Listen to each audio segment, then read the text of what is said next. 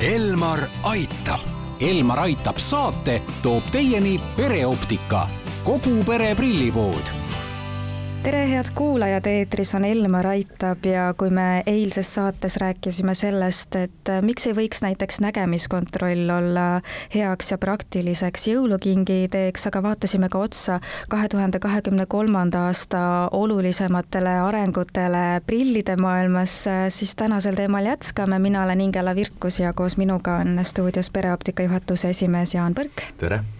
Pereoptika optometrist Laura Tõnov. ning Essilori prilliklaaside tootespetsialist Margo Tinno. tere! Me räägime sageli nägemise korrigeerimisest ja sellest, et kas inimene vajab prille kaugele või lähedale nägemiseks, aga variante on ju nii tohutult palju veel, et näiteks ekraaniga töötamise prillid äh, ja põnevad avastused näiteks, mida Laura eetriväliselt ka mainis, äh, värvinägemist korrigeerivad klaasid, migreenikutele mõeldud klaasid, et äh, mida võib-olla siinkohal veel ära tasuks mainida?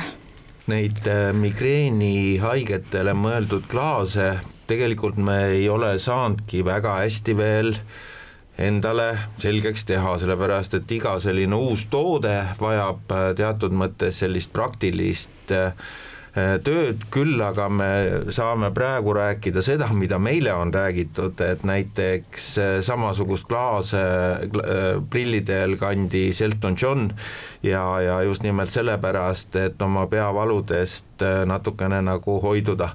Aga äh, meie töö on selline, et äh, kogu see headus ja võimalused tegelikult, mida me suudame inimestele nii-öelda pakkuda, äh, see tegelikult tekib nagu praktikas ja, ja siis me saame olla kindlad, et me teeme õiget asja. kas siis võib öelda, et need on need asjad, mis lähevadki nüüd uude aastasse ja ongi siis nii-öelda need uue aasta trendid?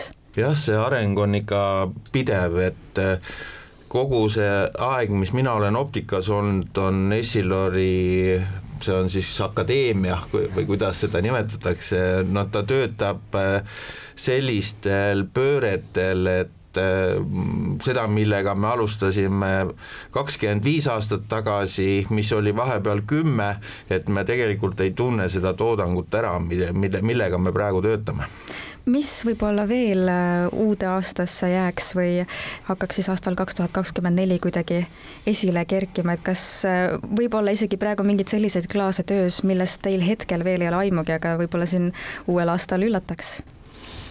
No ilmselt äh, kõiki neid uusi suundi, mida eelmises saates sai ka räägitud, et läätsed võiksid olla inimestele sellised, et neid pandakse võimalikult vähe Äh, tähele, et nad häiriksid kõige vähem ja ka samas nende optika töötas maksimaalselt äh, inimese heaks.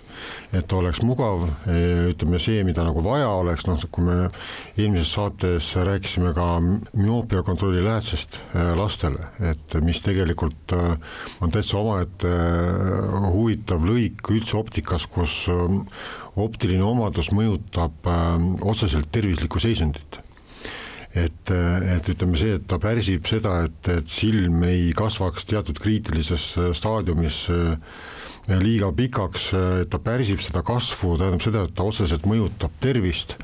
vanemas eas ei teki selliseid äh, tervise äh, riske silmas nagu silmapõhja probleemid, glaukoomi probleemid, võrkest irdumise probleemid, mis on just tingitud teatud silma kehvast olukorrast et see, et, et läätsed mõjutavad tegelikult äh, otseselt nägemistervist, on, on see suund, mida ikkagi äh, rakendatakse.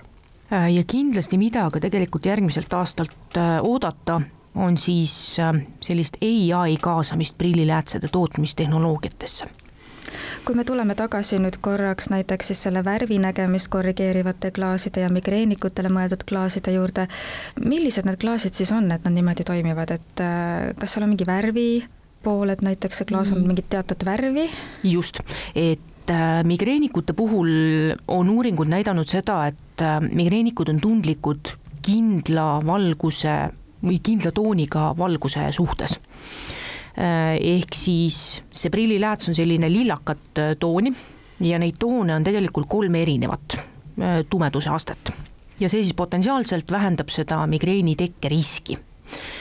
ja selle värvinägemise klaasiga on siis niimoodi, et ähm, see tegelikult blokeerib samuti kindla lainepikkusega valgust, ehk siis kindlat värvi valgust, mille tulemusel siis tegelikult äh, inimene, kellel on värvinägemisprobleemid, äh, siis ta eristab natuke paremini ka tõelisi värve kui me oleme nüüd rääkinud äh, prilliklaasidest, siis millised on järgmise aasta prilliraamide trendid? kui nüüd sellel aastal tegi ilma selline suur ümmargusem kuju, siis praegused need uued kollektsioonid, mida siis moelavadel tutvustatakse, tegelikult viivad seda prilli selliseks kitsamaks. Ja loomulikult on kõige tähtsamal kohal materjalid, et äh, nendest äh, prilliraamidest ei tekiks sellist tunnet, et ta kuskile vajutab. Ja tegelikult suured brändid tagavad juba selle oma nimega, et need mugavused ja materjalide kvaliteedid on väga head aitäh teile saatesse tulemast, Jaan Põrk ja Laura Tõnov Pereoptikast ning Margo Tinno Essilorist ja ilusat jõuluaega! Elmar aitab. Elmar aitab saate toob teieni pereoptika, kogu pere prillipood